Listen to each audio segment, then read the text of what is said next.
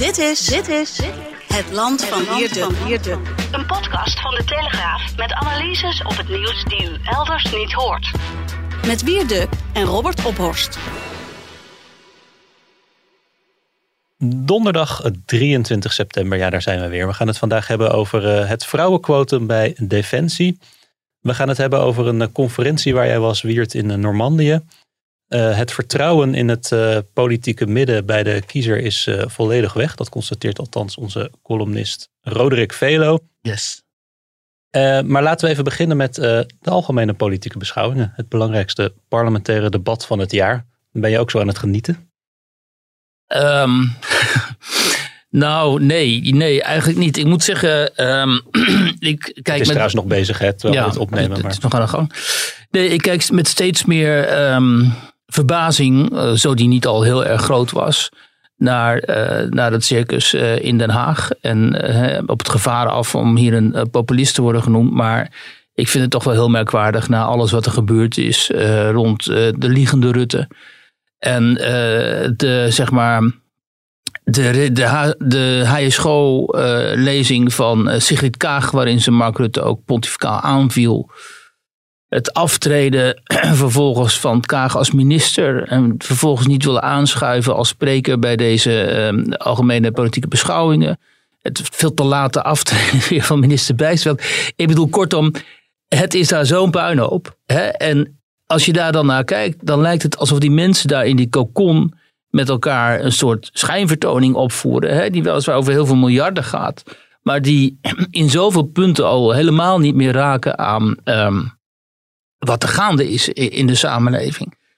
Uh, maar, weet je, iedereen die ik spreek, iedere normale burger die ik spreek hierover, die zegt: hoe kan het eigenlijk dat mensen die zo aantoonbaar hebben gelogen en ook zoveel en op zulke belangrijke punten ook. En iemand als Rutte die gewoon het functioneren van een Kamerlid. Hij, hij, had niet gelogen hè, volgens hemzelf. Hij kon zich niet meer herinneren. Dat ja, hij kan zich niet meer herinneren. Maar, en dan vervolgens het functioneren van een Kamerlid zoals Pieter Omtzigt in die toeslagenaffaire. Uh, zo ingewikkeld maken. Dus gewoon, gewoon zeg maar, weet je, aan de, aan de fundamenten van de democratie raken. Dat hij daar zonder enige schaamte gewoon in die Kamer uh, doorgaan. Mm Alsof het business as usual is. Hadden we Prinsjesdag en de beschouwingen dan maar over moeten slaan? Nee, nou ja, nee, dat, dat kan natuurlijk niet. Alleen wat je ziet is, en daarom was die conferentie waar ik dit weekend zo was. Iemand, uh, iemand schreef, die APB begonnen en uh, men keek, daar gaan we straks inderdaad over hebben, sorry. En iemand keek en schreef mij van, we, we kijken gewoon naar het ancien regime. En, en die indruk heb ik dus ook. Dit is een systeem wat niet functioneert. Het zijn uh, functionarissen die niet meer functioneren omdat ze te lang vasthouden aan die posities. Wat je in Duitsland met Angela Merkel ook, ook hebt gezien. En uh, we zijn een toeschouwer van, van hun laatste benen of zo. Waar, waar dit systeem ook op, op loopt. Um, en dat is het gevaar van de democratie. Alexis de Tocqueville en ik was op een conferentie in uh, Frankrijk afgelopen weekend in zijn naam. Op het, Alexis de Tocqueville is een, was een 19e eeuwse graaf, Franse aristocraat uit Normandië. En die heeft hele wegwijzende beschouwingen geschreven over de uh, Amerikaanse democratie. Eigenlijk over überhaupt de democratie. En met allerlei observaties die nog altijd op geld doen. Bijvoorbeeld, wat in deze tijd heel interessant is uh, het gevaar van de tirannie van de meerderheid. Alle corona-wappies, zoals ze dan worden genoemd, die demonstranten die de straat op gaan omdat ze vinden dat hun standpunten gewoon niet over het voetlicht eh, komen. Die zullen zich herkennen in die observatie over die tirannie van de meerderheid. Die zullen ook inderdaad vinden dat die meerderheid dan wordt vertegenwoordigd in Nederland door Rutte en, en Hugo de Jong in, het gezond, in de gezondheidscrisis, dat die tyranniek is in het opleggen van uh, die QR-code, in het opleggen van toch wel min of meer gedwongen vaccinatie, zoals, het vaccinatiedrang noemen. En toch veel die waarschuwde daar destijds al voor. Waar die ook voor waarschuwde was 1848, um, het revolutiejaar, zoals mensen, veel mensen zullen weten. Toen waarschuwde hij ervoor dat een totaal onthechte politieke klasse, de, de bestuurdersklasse uh, zich totaal had onthecht van uh, de rest van de samenleving. We slapen op een vulkaan, riep hij toen uit. Ja, precies. We slapen op een vulkaan. En, en, en, en dat beeld, dat beeld zie ik nu ook. En op, op allerlei plekken. Hè? Niet alleen in, uh, in Nederland, maar in Frankrijk, in Duitsland, in de Verenigde Staten. En die conferentie waar ik was afgelopen weekend, ehm, dat was de vierde keer dat die, dat die was. En oude vriendin van mij uit Moskou, collega van mij voor de Franse krant Figaro, die organiseert het mede. Die is daar mede initiator voor geweest. Dus ik kom er al uh, vier jaar tot mijn grote plezier. Ehm, die ging daar, of die ging daar grotendeels over. En het, het fijne dan van zo'n weekend, dat georganiseerd is ook door grote organisaties, dat is dat je daar uh, met een eh, honderd man op dat kasteel van die uh, Tocqueville verkeert twee dagen. Hè, en, en er zijn er allemaal discussie, discussiepanels en zo. En de mensen die dan komen, dat zijn mensen van, um, die, echt, die echt weten waar ze het over hebben. Want dat zijn gewoon topmensen in hun vak. Hè, zoals de, voormalige adviseur van Mike Pompeo was daar. En de oud-minister van Buitenlandse Zaken van Frankrijk, Hubert Védrine. Maar ook academici zoals Jascha Mounk en Joshua Mitchell en zo. Dus echt mensen die echt heel erg hebben nagedacht nagedacht over de, de, de problemen van deze, van deze ja, tijd. En wel een beetje in de conservatief-liberale hoek. Ja, een beetje in de conservatief-liberale hoek. Um, wat het wordt, dat is inderdaad um, een programma dat min of meer nadenkt over hoe conservatieven in deze tijd zich kunnen verhouden tot, uh, tot die problemen. En wat dan opvalt is dat de, uh, hoezeer die mensen die daar spraken zijn, uh, doordrenkt van het besef dat de democratie, westerse democratieën in crisis zijn.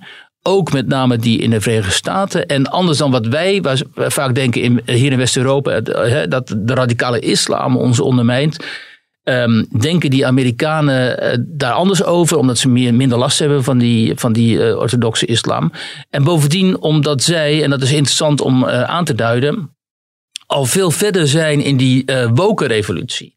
Dus dat hele woke gedoe, nou ja, iedereen weet zo langzamerhand wel wat dat is. Namelijk dat woke, dat deelt de samenleving in, in slachtoffers en daders. Daders, dat zijn dan meestal, of, of in alle gevallen gewoon de blanke meerderheden. En de slachtoffers zijn die uh, minderheden. En als je tot een groep behoort, als je zwart bent of moslim of vrouw, dan behoor je automatisch tot die groep. En jouw individualiteit uh, doet er eigenlijk niet meer toe. Dus het principe van gelijkheid eh, is totaal, wordt totaal door heel ondermijnd. En waar die Amerikanen vooral bezig is dat. In, misschien beseffen wij dat nog niet, nog niet goed, maar dat, het, dat er echt een revolutie gaande is in de Verenigde Staten, in de, op de universiteiten en in uh, de media. En dat, dat, dat woke um, echt vernietigend is. En er waren twee voorbeelden. Een van Jasje Moenk, dat is echt een hele gerespecteerde politicoloog, heeft goede boeken geschreven ook. En mensen ook in de, in de Tweede Kamer en zo, die lezen die man. En die is heel erg kritisch geweest op uh, Trump en op de rechtspopulistische revolutie en zo. Die heeft de beweging, die heeft daar gewoon kritisch over geschreven. En ook hij, en hij, doseert op Harvard, hij zei: alle, alle elite-universiteiten, ook die waar ik nu werk, zijn in de greep van die uh, woke ideologie. En je kunt om één woord gecanceld worden en je kunt om één woord eigenlijk vernietigd worden. Uh, dat je hele carrière naar de knoppen is. En hij zegt, de meeste mensen, uh, mijn collega's, die, die zwijgen om die reden, omdat ze gewoon hartstikke bang zijn. In de media net zo. En heel ontroerend was eigenlijk, en ook wel uh, nou ja, extra verontrustend weer, was er optreden van een oude burgerrechtenactiviste en een rechter. Een donkere mevrouw, ontzettend aardige mevrouw, waar ik na die tijd nog heel lang mee heb mogen praten.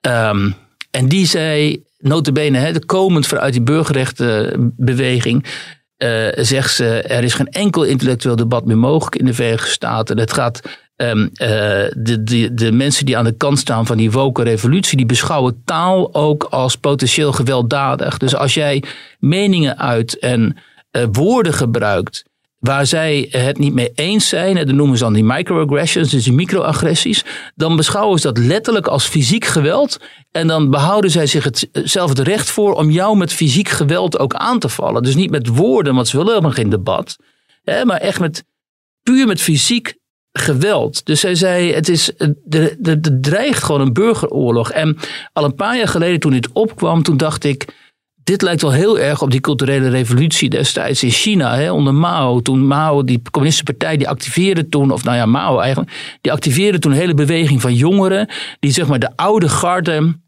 eh, tot de orde moesten roepen of decimeren eigenlijk, omdat die waren dan afgedwaald ideologisch en die jongen uh, nieuwe ideologische garden, dat waren ook echt de rode, garden, rode gardes, die moesten die partij zuiveren. Pure zuivering, daar komt het op neer. En dat gebeurde ook. Je ziet, mensen moeten maar zoeken op internet als je zoekt onder de culturele revolutie. Dan zie je allemaal van die afgrijzelijke foto's waarop mensen met borden uh, voor hun borst uh, gekweld worden in het openbaar, openlijk boete moeten doen, zich moeten um, verontschuldigen, excuseren. En er zijn toch ook gewoon heel veel, ontzettend veel mensen gewoon vermoord. Uh, en die kant, die kant zit hier, nou ja, niet alleen zit die kant hier aan, dit is dit is die woke revolutie. Uh, dus het, zal niet lang meer duren voordat we ook dit soort tafereelen zullen zien.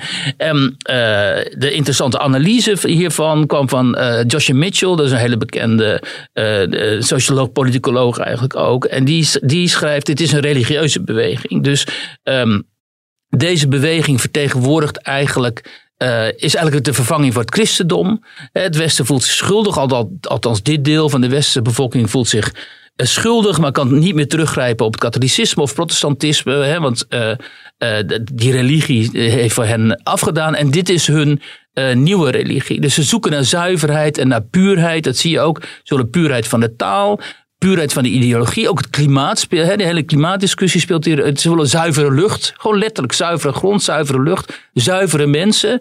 En iedereen die niet zuiver is, moet worden gezuiverd. Mm -hmm. hè? Um, nou ja, en het schrikbarende natuurlijk is, eh, voor ons Europeanen die er zaten, was het schrikbarend om te horen hoe ver het daar al is. En hoe zie, hoe zie je mensen van dit niveau op dit soort posities zich dus gewoon heel erg zorgen over maken. Uh, en aangezien alles uh, uit Amerika vijf jaar later naar Europa komt, uh, gaan we er ook mee te maken krijgen.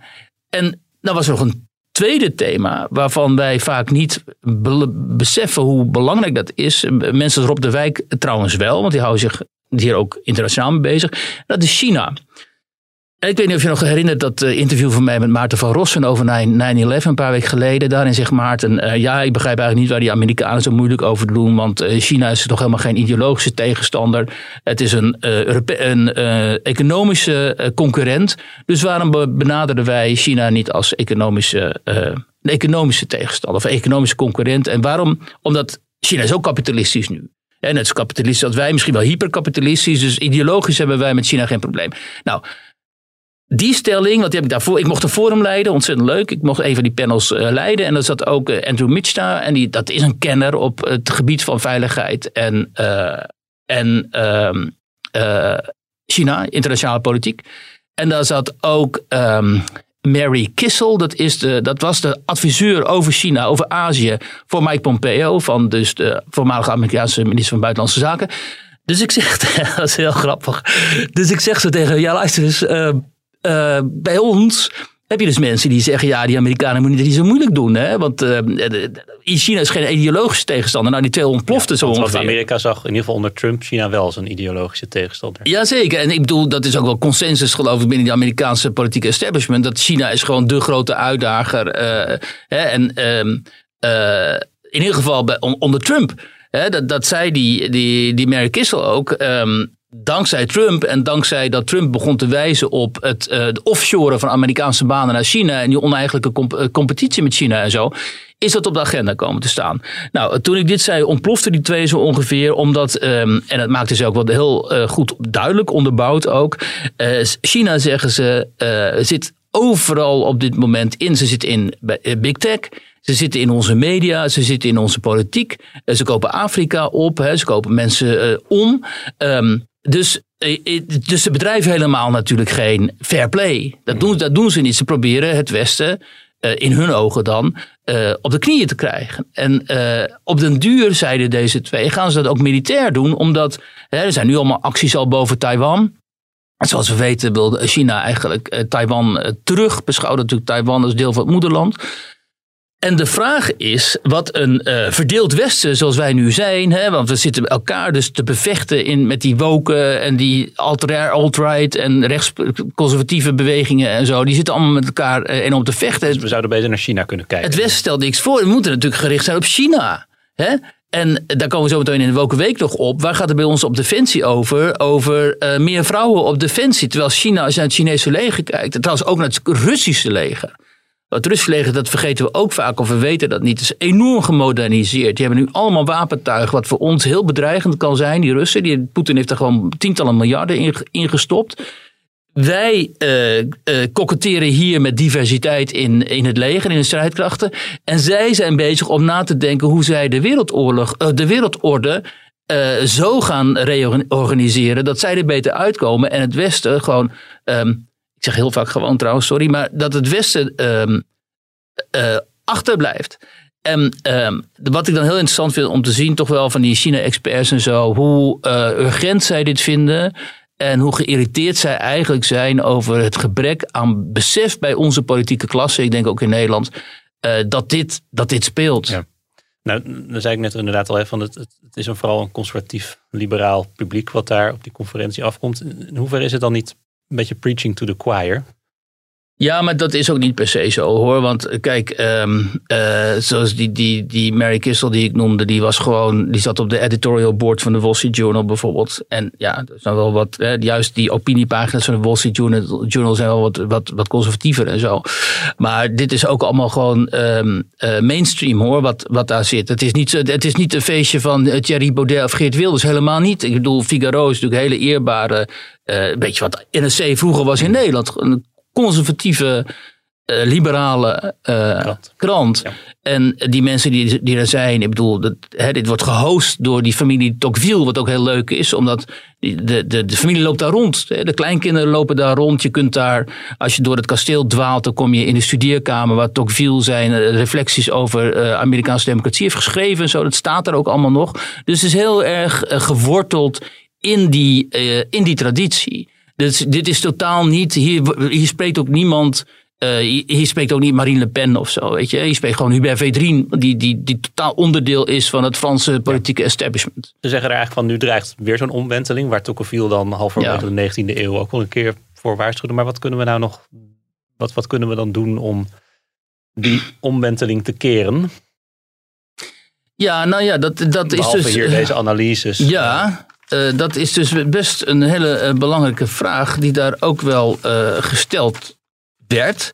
Nou, dat is in eerste instantie vooral een um, ervoor zorgen dat dat, dat, dat, dat woken gedachtegoed niet wint.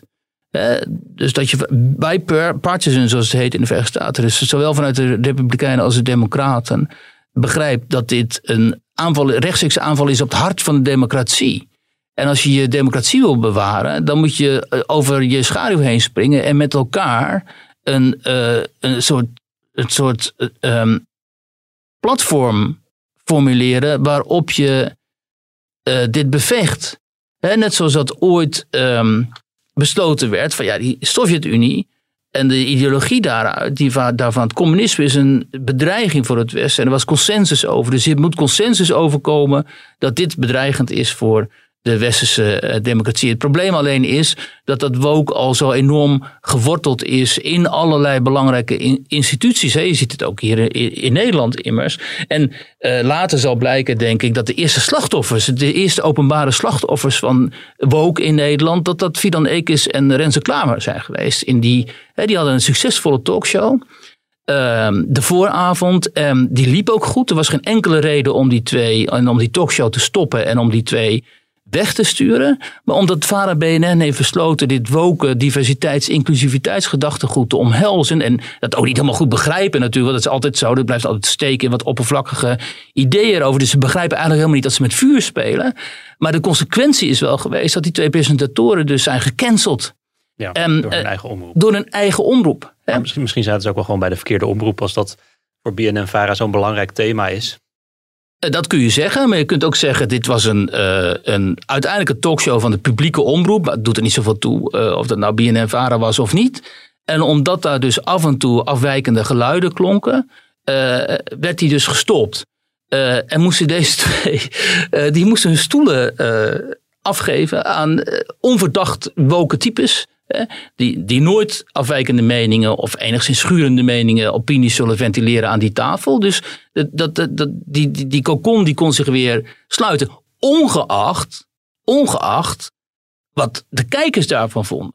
Want die kijkers zijn het er niet mee eens. Ik weet niet hoe die kijkcijfers nu zijn. Maar die kijkcijfers die kelderden naar 400.000 of zo. Omdat die kijkers zeggen, ja, maar wij zijn het hier niet mee eens. Wij willen niet dat een kleine secte voor ons bepaalt wat wij te zien en te horen krijgen.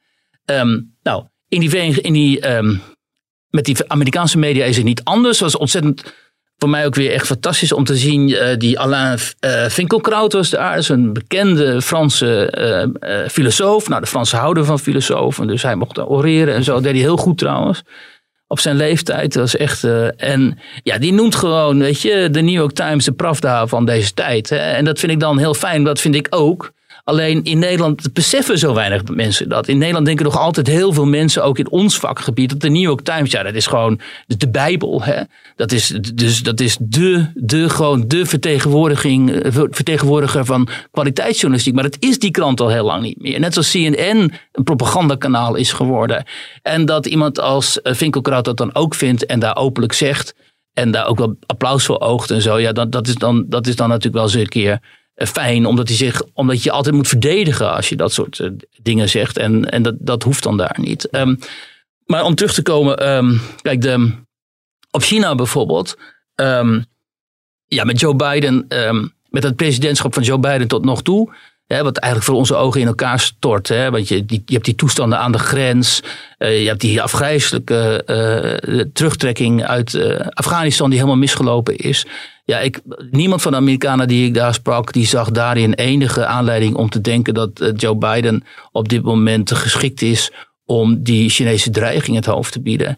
Um, en dan zitten we ook nog eens met de Duitse verkiezingen die er aankomen uh, deze, dit weekend. Hè, uh, waarin het best zou kan, kunnen zijn dat de kandidaat van de SPD die gaat winnen. Nou, die, die Duitsers die willen altijd al liever, hè, die, willen, die, die houden überhaupt niet van martiale uh, een materiale opstelling. Die wil uit onderhandelen en, en uh, tot, tot consensus komen, ook met China. Maar ook met Rusland. En um, uh, vooral die SPD, die heeft een hele uh, intense band met Rusland. Omdat daar die Gerhard Schreuder, die voormalige bondskanselier van Duitsland, is gewoon een vriend van Poetin. Hè? Die, die, die is daar baas van de. Is toch energieadviseur of zo? Ja, die is daar baas geworden van die Nord Stream destijds project het gasproject. En, um, en ik kan me niet voorstellen dat de Duitsers die confrontatie uh, zullen aangaan. Dus dat wordt voor de komende uh, jaren wordt het nog enorm interessant om te zien. En ook wel bedrijven, nou ja, misschien wel eh, zorgwekkend om te zien hoe het Westen zich al dan niet ofwel zichzelf vernietigt in, in zekere zin, waar het nu op lijkt, of zich herpakt en een, een duidelijkheid krijgt over welke strategische dreigingen er bestaan. Want ook daarover in Europa bijvoorbeeld bestaat geen enkele uh, consensus. Omdat voor de Oost-Europeanen zijn natuurlijk de Russen de dreiging. Voor de Fransen zit de dreiging daar in het zuiden, in de Sahel en de, en de jihad en de, de, de, radicale islam uit, uit um, Afrika. En de Britten die ons al hebben verlaten omdat ze eigenlijk de EU uit zijn gepest die zitten al lang nu weer in een alliantie met Australië en de Verenigde Staten. Um, wat notabene toch gevolg heeft gehad dat een duikbootdeal die de Fransen hadden, uh, dat die uh, geïmplodeerd is. Wat op dat moment dat ik daar was, uh, enorme, tot enorme ophef leidde. Omdat hier een hele belangrijke bondgenoot, Frankrijk, gewoon geschoffeerd was. maar die Britten zijn niet gek. Die denken we gaan liever uh, met Amerikanen in zee en Australiërs in, met hele moderne duikboten. Dan, um, dan dat die deal daar met die Fransen met hun uh, veel ouderwetsere aanpak. Sowieso Franse apparatuur nooit vertrouwen.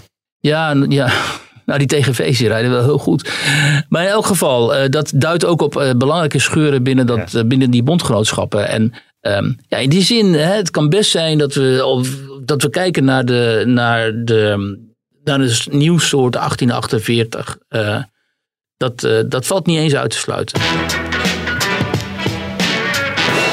Ja, nog even over de, de democratie en de, de politiek. Want het vertrouwen in de politiek is uh, flink gedaald. Dat bleek deze week uit onderzoek van Ipsos. Nou, dat, dat, dat, kan eigenlijk moeilijk als een verrassing komen. Want schrijft ook onze columnist Roderick Velo. Want nota bene Johan Remkes, de man die nu de, de, de formatie moet vlot trekken. Die schreef heeft vier jaar geleden onderzoek gedaan eh, met zijn commissie Remkes naar eh, het parlementaire stelsel en de staat van de democratie. Ja. En die concludeerde ook al dat, er, eh, dat het vertrouwen van de, de burger in de democratie een flinke knauw heeft gekregen. Ja.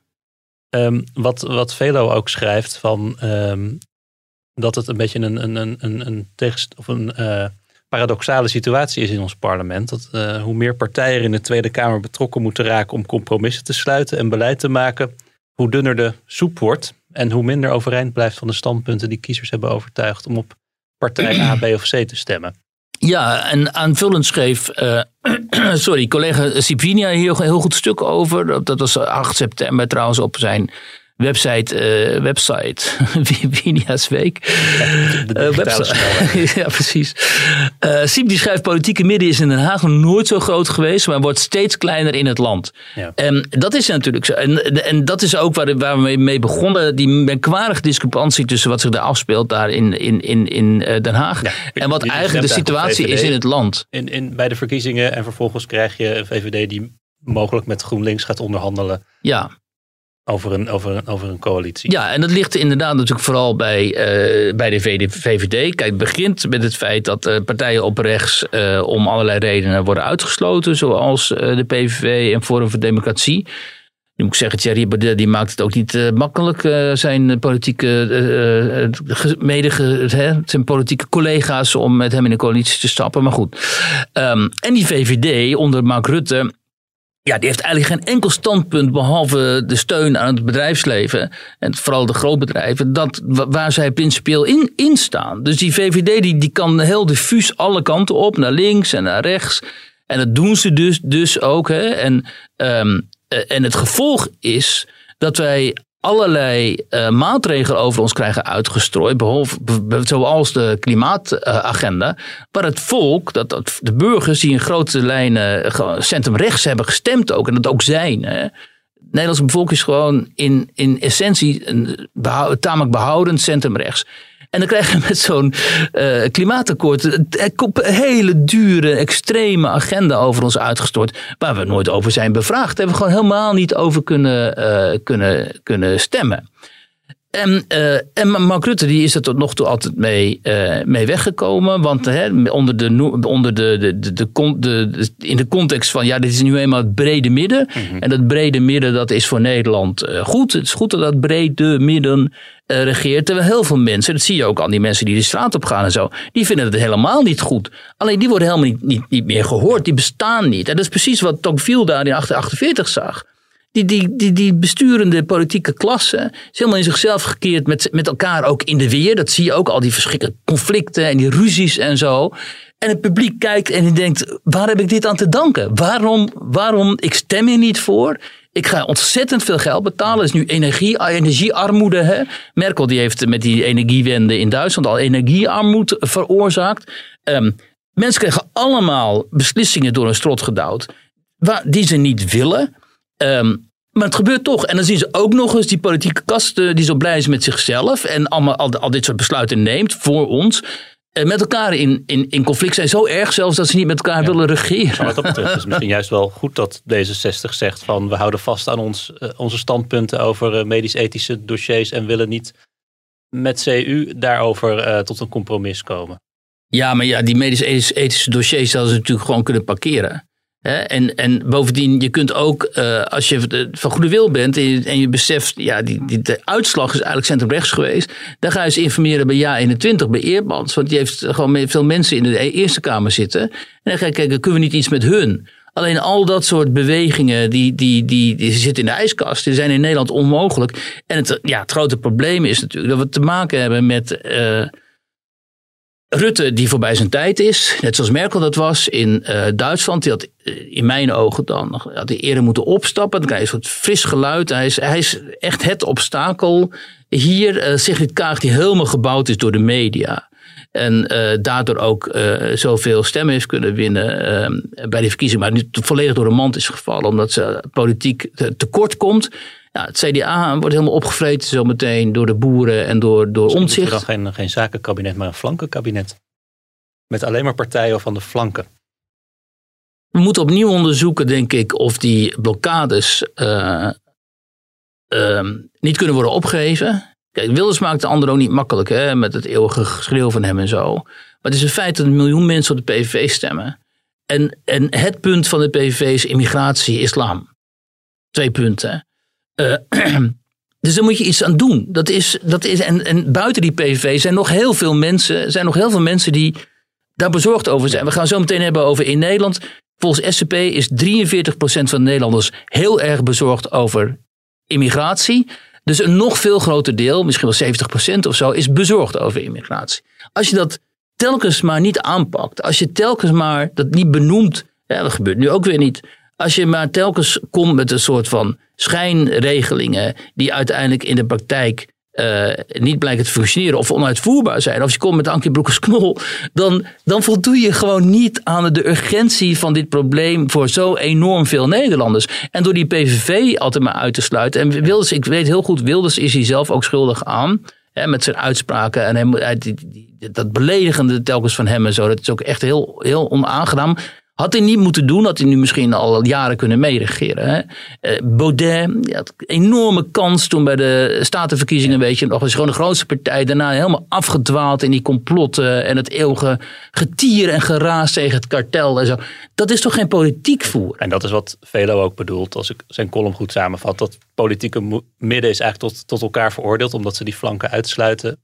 Maar daardoor moeten ze met elkaar waterige compromissen sluiten, waardoor eigenlijk de, de stem van de burger ja, aan het eind van de rit een beetje verloren is gegaan. Ja, en daarom zijn er nu zoveel burgers die enorm teleurgesteld zijn in, uh, in alles. Dus, wat, wat, wat weer de partij op de flanken versterkt en het midden weer verder verzwakt. Ja, en uiteindelijk is het zo, en het blijkt ook wel uit gesprekken die ik voer, dat men eigenlijk alleen nog maar vertrouwen heeft. Uh, als men dan verandering zou wensen op um, Pieter Omtzigt. Dus Pieter Omtzigt moet eigenlijk de natie redden in de ogen van heel veel mensen. Maar hij oogt nog zo labiel. En, um, dat is natuurlijk geen gezonde politieke situatie. Nee, dat is een totaal ongezonde politieke situatie. Maar de, de kern van die ongezonde politieke situatie is dat Omtzigt zonder überhaupt een partij te zijn 25 zetels zou trekken op dit moment. En dat, dat zegt ja, dat is weer die, die, die. Ik refereer nog maar eens een keer naar 1848. Dat is bijna een revolutionaire situatie. Als je politieke systeem zo zichzelf heeft gedisqualificeerd. En als het zo in zichzelf zit vastgeroest. En je hebt geen persoonlijkheden. En je hebt geen mensen in die politiek die op een redelijke manier. Zoals die Sebastian Kurz in Oostenrijk op een redelijke manier deze problemen uh, over het voetlicht kunnen brengen en de oplossingen voor kunnen aandragen. En men staat in die arena naar elkaar te toeteren en te tieren.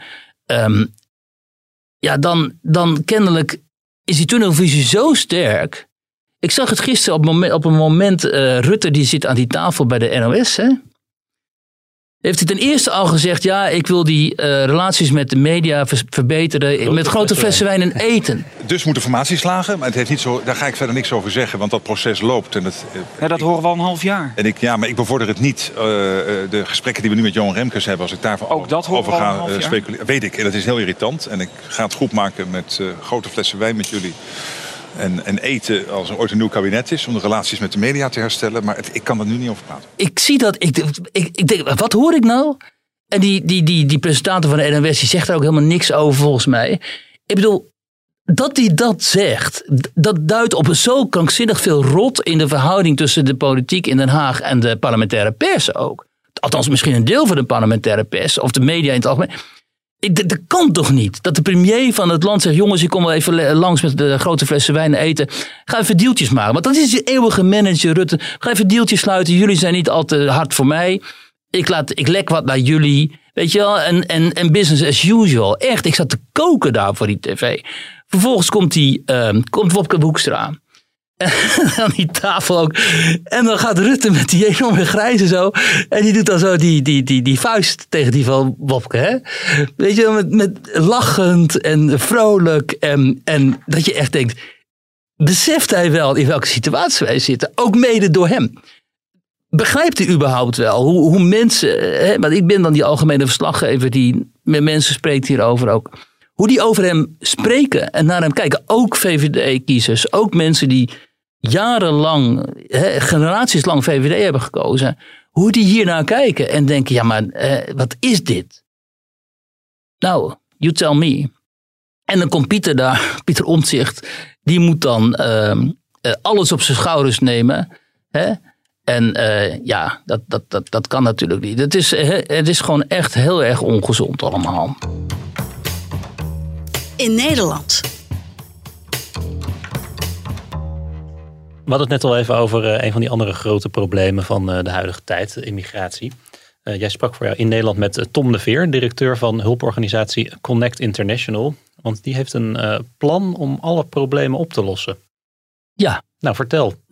het, Verlos ons. Ja, precies, precies. Um, kijk, het interessante aan Tom de Veer is dat hij een hele geschiedenis heeft binnen die ontwikkelingshulp. Ja, het is, het is een, naar hij zelf zegt ook een linkse jongen. Niet iemand die uitgenodigd wordt voor een conferentie van de familie de. Nou, daar worden ook wel links, nogmaals, best wel linkse mensen uitgenodigd. Maar hij is hij heeft in die kampen gewerkt, overal ter wereld. Hè? Afghanistan, Albanië, Rwanda, Oeganda en zo. Dus hij kent, hij is echt iemand met, uh, die zijn, uh, met zijn laars in de modder heeft gestaan. En um, wat hij zag is die enorme aantallen asielzoekers die ook om economische redenen naar uh, het westen komen. En die vervolgens, als ze bijvoorbeeld in Nederland zijn, hier eigenlijk niet meer weg kunnen. Hè? Want er wordt bijna nooit iemand uitgezet.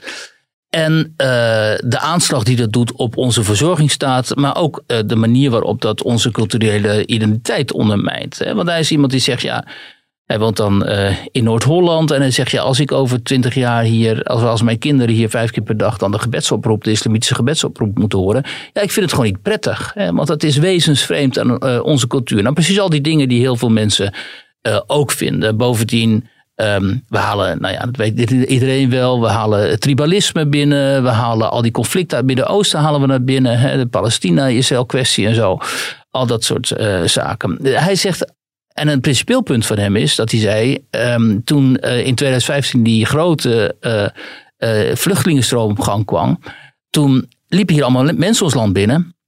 Die gingen we opvangen en helpen, hè, bijvoorbeeld die Syriërs. En nu zijn ze al Nederlander. Hè. Als ze na vijf jaar zijn, ze gewoon, zijn net 50.000 mensen een Nederlands paspoort gekregen. Van wie het meeste Syriërs en Eritreërs. Dus we hebben nu allemaal Eritreërs. We hebben 50.000 apothekers erbij. Ja, we hebben nu allemaal Eritreërs met een Nederlands paspoort. Ja, dan denk ik ook, hoe zijn die dan Nederlander? Hè? Hoe, hoe dan? Kennen ze de Nederlandse geschiedenis? Hebben zij hier wortels in Nederland? Kennen ze de Nederlandse, alle nuances van de Nederlandse poldermentaliteit? Kennen ze... Uh, Natuurlijk niet. Ze hebben gewoon een Nederlands paspoort, maar ook kiesrecht enzovoort enzovoort. Dus die, die Nederlandse samenleving die, die, die, die verandert dramatisch. Wat stelt hij dan voor? Nou, hij zegt dat, dat, dat moet dus niet. Hij heeft het principiële punt afmaken, want hij zegt de achterblijvers, de armen, de zwakkeren, die dus niet konden betalen voor die mensensmokkelaars en zo. Want het kost duizenden euro's om naar Nederland te komen of naar het westen te komen. Ja, die blijven achter. En uiteindelijk hebben die, die bevoorrechten hebben dus het Nederlandse paspoort, leven een prima leven hier. En die achterblijvers zitten daar in die, in die ellende daar. Eh, terwijl wij in principe hadden ze hetzelfde recht, toch? Alleen ze hebben het niet gehaald in Nederland. Nou, wat hij voorstelt is. Um, er moet, um, naar Deens model moet op veel, moeten wij helpen met opvang in de regio. Dus we moeten met al die, allerlei staten daar in, in, in die regio deals gaan sluiten. Zeggen, joh, um, met onze ontwikkelingshulpbudgetten gaan we jullie helpen. Dan gaan we jullie ten eerste helpen om die kampen op te pimpen. Hè, want dat moet gewoon goed op de benen worden gezet. Um, en wat we vervolgens gaan doen, we gaan die lokale bevolking daaromheen helpen door hen een soort van basisinkomen te geven. Dus met 12 euro per volwassene kun je uh, uh, uh, grote delen van de Afrikaanse bevolking al uit de armoede halen. Nou, dat kan ook allemaal binnen onze ontwikkelingshulpbudgetten. Uh, en hij zegt, dat is ook gebleken uit onderzoek, dat als je die mensen dan een soort deelinkomen geeft, dat ze daar ook echt wel dingen mee gaan doen. Dus gaan handelen of uh, uh, kinderen naar school sturen of een huis bouwen en zo. Dus dat, dat is ook wel bewezen dat dat inderdaad wel functioneert. En het is geen microkrediet, je hoeft niet terug te betalen. Je geeft het gewoon aan die bevolking. Dus niet aan die lijst, maar aan die bevolking. En ten derde moet je dan ook die landen, die opvanglanden, helpen bij de repatriëring. Dus zodra het alweer in Syrië bijvoorbeeld veilig is hè, zoals delen van Syrië nu weer veilig, veilig zijn, dan ga je die mensen helpen om die Syriërs ook weer terug te brengen. Er zijn er in dit soort discussies eigenlijk altijd twee argumenten die worden aangedragen. Eén van uh, dat moeten we Europees regelen in Brussel. Nou, dan kan je net zoals Denemarken heeft gedaan een opt-out uh, ja. onderhandelen. maar, maar het tweede is ook van, ja, er wordt al heel veel, het merendeel van de vluchtelingen wordt al opgevangen in de regio. Ja. Pakistan tot, uh, nou, Turkije, tot Turkije natuurlijk een deal meegesloten. Dus dat is natuurlijk ook al waar volop wordt ingezet. In hoeverre is dit plan van hem dan anders of revolutionair? Nou ja, in die zin dat je dus uh, niet zegt, uh, hè, zoals tegenlanders Turkije, oké, vang maar op en bekijk het verder maar. Maar dat je dus echt structureel uh, dit tot beleid gaat maken. Dus dat je ten eerste dat je zegt, zoals Denemarken, wij vangen in ons land niemand niet, meer niemand meer op. Eh, want de Denen hebben dat geoutsourced. Hè? Als je in Denemarken asiel wil aanvragen, dan ga je naar Rwanda. Wat op zichzelf een heel goed idee is natuurlijk. Dan wacht je in Rwanda je procedure af, krijg je status, dan mag je naar Denemarken. Maar in Denemarken zelf is de bedoeling, worden asielzoekers niet meer opgevangen. Zou voor Nederland ook een goed idee zijn, want dan zitten die AZC's niet meer zo vol. En dan ontlast je ook die, die, die woningmarkt uiteindelijk. Eh, dus dat je daar structureel beleid van maakt en dat je ook eh, structureel dus die, die bevolking met financieel helpt, met ontwikkelingshulpgeld, wat nu binnen de ontwikkelingshulpbudgetten valt. Um, en dat je partners eh, zoekt. Hij zegt ook bijvoorbeeld. Um, nou, Rwanda heeft gewoon veel geld gekregen van Denemarken om dit mogelijk te maken, die opvangcentra daar. Um, bovendien zegt hij, wat er aan zit te komen met die klimaatverandering, is dat de hele delen van Afrika gaan verwoestijnen. Dus, dus er komen inderdaad die klimaatvluchtelingen waarvan Baudet en Wilders en zo dan altijd zeggen, ja die bestaan niet, maar die bestaan natuurlijk wel als klimaat verandert en je, kunt, je hebt geen, geen gras meer voor je dieren en je geen water meer, dan ga je elders naartoe. Dus er kan de komende tijd, de komende jaren, komt er een soort van vluchtelingenstroom van misschien wel 200 miljoen mensen op, op gang. Ja, dat kan, als er 10% van naar Europa gaat, dat is 20 miljoen. Of misschien 50% is dan 30 miljoen. Um, dat kan Europa natuurlijk helemaal niet opvangen. Dus hij zegt, we moeten kijken of in Afrika niet staten zijn te vinden die zeggen, we hebben nog heel veel, heel veel, heel veel territorium hier. Lege gebieden, die zijn er natuurlijk wel.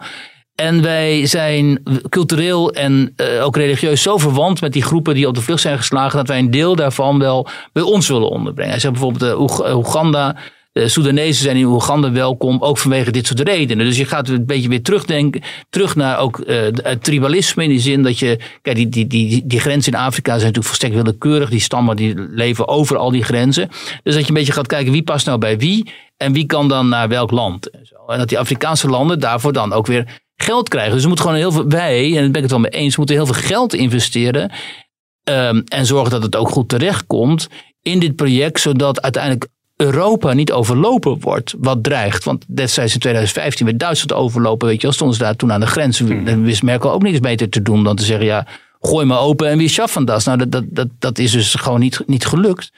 Um, en, en er dreigt er nog veel uh, grotere vluchtelingenstroom op, op, op gang te komen. Nou, uh, als hij dan met deze, deze plan naar de politiek gaat, naar D66 of CDA en zo, dan zegt hij, ja, weet je, allemaal leuk en aardig, maar het, het, gaat, het gaat hem niet worden.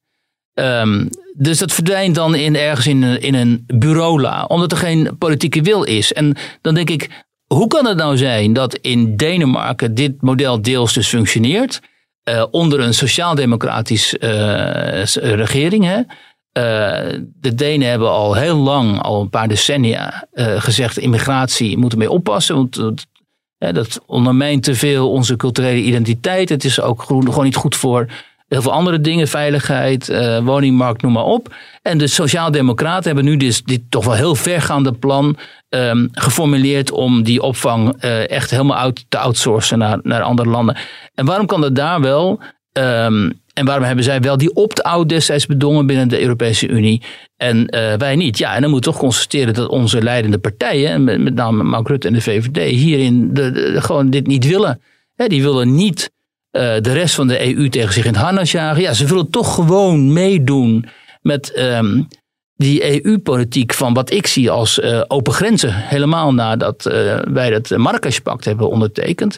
Er staat eigenlijk niks te komst. Zijn we eigenlijk verplicht om die mensen hier op te nemen. Um, ja, en dat is toch onder, in tien jaar Rutte gebeurd. Had ook anders, anders gedaan kunnen worden. Want je kunt die verdragen, ja, je kunt er onderuit. Je kunt ze heronderhandelen. Je kunt zeggen, ja, we willen het toch anders gaan doen. We leiden onze samenleving, onze burgers hebben er te veel last van. Uh, we gaan opteren voor een andere aanpak en het gebeurt niet. Wie, wie, wie, wie het Woken Week. Een andere organisatie die uh, gedwongen moet worden om mensen op te nemen is Defensie. Uh, deze week in het nieuws dat Defensie moet aan het vrouwenquotum. Eén op de drie militairen moet in de nabije toekomst vrouw zijn. Ja. we hadden daar ook een, een, een grote productie ook over in de krant van onze defensieverslaggever Olaf van Jolen. En, ja.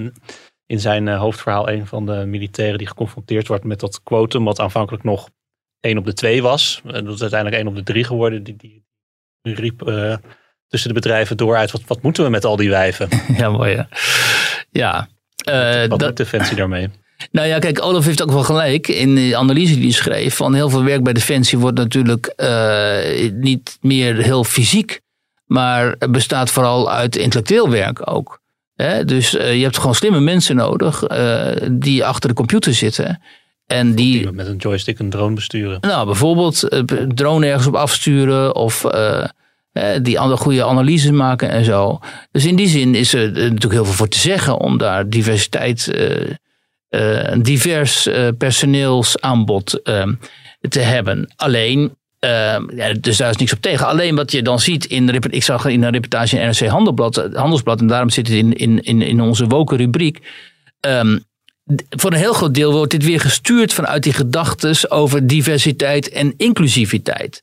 En dat enorme gedram van deze, van deze mensen, die in, in alle organisaties zo langzamerhand hun cursussen opdringen aan het personeel. Dat diverser moet worden en inclusiever moet worden. Terwijl het personeel er helemaal niet op zit te wachten. Omdat op de werkvloer zijn ze al divers en inclusief genoeg, vinden ze. En ze willen niet de hele tijd lastiggevallen worden met uh, de beschuldiging dat ze eigenlijk homoseksuelen en vrouwen en zwarte en zo zouden discrimineren. Nou, dat botst natuurlijk enorm. En dat zag je in een ook toch wel een hele mooie uh, reportage in Vrij Nederland. Die zijn dus uh, gaan zitten bij zo'n scholingsdag. NRC was dat toch? In NRC. Ja. En dan zie je daar de enorme onwil ja. bij, die, uh, bij die soldaten. Die hebben denken van moet ik hier? Maar ja, ze worden verplicht. En dan komt er weer zo... mensen die dan echt voor de vierde keer meededen aan zo'n cursus. Precies. En wordt, wordt mij nu weer voor de vierde keer verteld dat niet, dat je anti-homo, dat je homo's discrimineert en zo. Ja, en dan komen er weer van die duur ik weet precies hoe het gaat. Van die duurbetaalde gespreksleiders en consultants en zo. Die hebben dan uit diversiteit en inclusiviteit hebben gewoon een businessmodel gemaakt. Ja, dat is iets waar, wat we, waar we in deze rubriek wel vaak over hebben gehad. Het is gewoon een miljoenenindustrie. Ja, ja dat is het ook. En um, en, en niemand van die mensen die daar aanwezig is, zit daarop te wachten. Dat blijkt uit hun opmerkingen zo. De ene zegt, ja, ik word hier allergisch van. En ik behalve ook van het... Uh, ik word van toneelstuk naar workshop gestuurd. Het is nooit goed genoeg. Er lijkt helemaal geen waardering te zijn voor het werk dat we doen. En dan, uh, bij ons is het helemaal niet nodig. En ik wil helemaal niet weten of mijn collega homoseksueel is. Maar mij het uit. Voor mij is iedereen gelijk. Maar dan heb je wel zo'n Marokkaanse... Zo Marokkaanse commandant, meen ik. Die dan, dat is wel een heel interessant moment in, deze, um, in, de, in dit gesprek trouwens. Um, die, de, de, de, plaatsvervangend commandant Mustafa Hilali, ik draai het, lees het even voor. Die zegt: Ik hoor al jaren in Nederland eigenlijk dit over uh, Marokkanen, dat omdat ik een Marokkaan ben, zal ik wel een crimineel zijn. Omdat ik moslim ben, zal ik wel een terrorist zijn. Dat raakt me ontzettend. Uh, weet je wat de pech is? We moeten het hierover hebben. Deze uitspraken gebeuren wel. Uh, en al was het er maar eentje, enzovoort, enzovoort. En dan zegt een van die instructeurs. Um, luister eens even. Ik vind het echt heel vervelend dat jij die dingen hebt meegemaakt als Marokkaan. Maar ik kom uit Amsterdam Noord. En de keren dat er een mes op mijn keel is gezet door iemand van Marokkaanse afkomst. kan ik niet op één tellen op één hand tellen. Dus hoe ik mij daar als Hollandse jongen bij heb gevoeld, is precies hetzelfde. Ja, dat vind ik in de eerste plaats enorm dapper dat hij het zegt. En ook dus heel tekenend. Want um, die Marokkaanse commandant, die wilde, dus, de, de, die wilde hier dus weer een soort van toneelstuk van maken. Van kijk eens, uh, hoe erg wij minderheden worden gediscrimineerd. Ik als Marokkaan, maar ook de transgenders en zo. En die Hollandse jongen die zegt van ja luister eens even, dit is de werkelijkheid. Zo gaat het toe op straat. Mm Dus uh, He, flikker even op met je, met, je opmerkingen over discriminatie. Er is altijd, bij ons gebeurt er ook van alles tegen, ja, tegen allebei ons. gelijk. Ja, dus ze hebben allebei gelijk. Maar ik sta er wel aan de, aan de kant van instructeur 2, zoals hij genoemd wordt. Want um, dit is gewoon hoe de straat uh, functioneert. En, um, en om alles uh, te benoemen en om alles te willen weg wrijven, alles te willen gatsteken en alles te willen uh, elimineren, daarmee haal je ook heel vanzelfsprekend normaal menselijk gedrag, wil je dan weg, wegpoetsen. want iemand zegt ook in deze tekst van ja luister, ik heb een transgender in mijn eenheid, uh, maar ik moet wel een kruisje zetten man of vrouw achter een, op een formulier. En ik weet niet wat hij is. Is hij nou man of vrouw? En ik durf het hem niet te vragen. Dus door al die druk vanuit die cursusleiders en zo. Die zeggen nee, je moet er heel, heel, heel, heel, nou ja, heel omzichtig mee omgaan en zo. Wordt eigenlijk minder bespreekbaar daardoor. Wordt het daardoor juist minder bespreekbaar. Tegelijkertijd, en dat, dat schrijven wij ook in de krant. Defensie heeft 9000 openstaande vacatures. Dat is 20% van alle militaire functies. Die is onvervuld. Ja. Wat dat betreft uh, zou het goed zijn als er een zooitje mensen, of het nou vrouwen zijn of niet, uh, wordt aangenomen. Ja, natuurlijk. En daar is ook hè, dat, dat, wat Olaf schrijft. De vrouwen kunnen natuurlijk uh, hele specifieke functies gewoon heel goed uh, uitvoeren. En ik herinner me een keer, ik was ooit een keer met Balkenende in uh, Kabul. Toen hij nog premier was. En ehm, de chauffeur die ons in zo'n panzervoertuig door Kabul reed. Dat was een jongen van Turkse afkomst. En de jongen die die eenheid die ons beschermde leidde. Was een jongen van Marokkaanse afkomst. Dus en die beschermde dus, dat realiseerde ik mij op dat moment, dat is een beetje misschien omgekeerd racisme, maar op dat moment realiseerde ik, dacht ik van, het is toch wel mooi, zo'n Turkse jongen en zo'n Marokkaanse jongen die ons en de premier van Nederland hier eh, beschermen tegen wat misschien echt wel concreet gevaar is. Um, uh, dus, weet je, uh, daar is niks, ik bedoel, natuurlijk, normaal. Maar het zou normaal. Kijk, nu zou ik het. Nu, dat is al heel lang geleden. Nu zal het me misschien niet eens meer opvallen. Dus het is ook de bedoeling natuurlijk dat het normaal wordt. En, um, en niet, en door al die cursussen aan te bieden en zo, maak je er weer zoiets specifieks, mhm. unieks van al deze mensen. en dat heb ik daarop tegen. En die kritiek van die jongens daar op die werkvloer, dat is natuurlijk ook dat. Zo van, jongen, we werken al jaren met diverse, mensen van diverse afkomst. En er is eigenlijk helemaal geen, geen probleem. We, hebben er eigenlijk helemaal geen probleem mee. Wiert, dank je wel. Dank u. Ik, ik geloof dat je nog even uh, een reclameboodschap de eter in wil slingeren. Want mensen kunnen weer stemmen. Juist. Op ons. Mensen kunnen stemmen op ons. Want um, de uh, podcast awards die worden weer uh, uitgereikt. De belangrijkste prijzen van het jaar. De veruit belangrijkste prijs van het jaar. En wij zitten met onze nieuws- en opinie-podcast bij de laatste vijf. Um, daar hebben we heel veel geld voor moeten betalen. Daar hebben we enorm veel mensen voor moeten omkopen, maar nog steeds niet genoeg. En het geld is op. Dus nu willen wij de mensen vragen om ook gewoon gratis dan op ons uh, te stemmen, zodat deze podcast, waarin nu toch altijd weer een heel ander geluid hoort dan in andere podcasts en podcasts, om die um, omhoog te stoten in de vaart der volkeren. Dus onder de tweet waarin wij deze podcast op het internet brengen, zal ik nog even die link ook naar de plek waar mensen kunnen stemmen toevoegen. En voor de mensen die geen Twitter hebben, die kunnen naar de website podcastawards.nl en stemmen kan nog tot 10 oktober.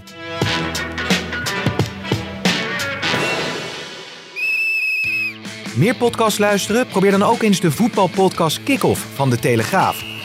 Met chef voetbal Valentijn Driessen altijd met een scherpe mening. En dan uh, denk je, en uh, al die praatprogramma's, uh, gadverdamme zeg. Met Ajax-volger Mike Verwij altijd met het laatste nieuws. Lampkoer twee keer op elkaar is nog in twee meter vier. nee. En het allemaal onder mijn leiding, Tim CD. Wat is eigenlijk het be belangrijker voor de stad Rotterdam? Songfestival of uh, Feyenoord-Utrecht? Iedere maandag en vrijdag op de site van de Telegraaf en in je favoriete podcast-app.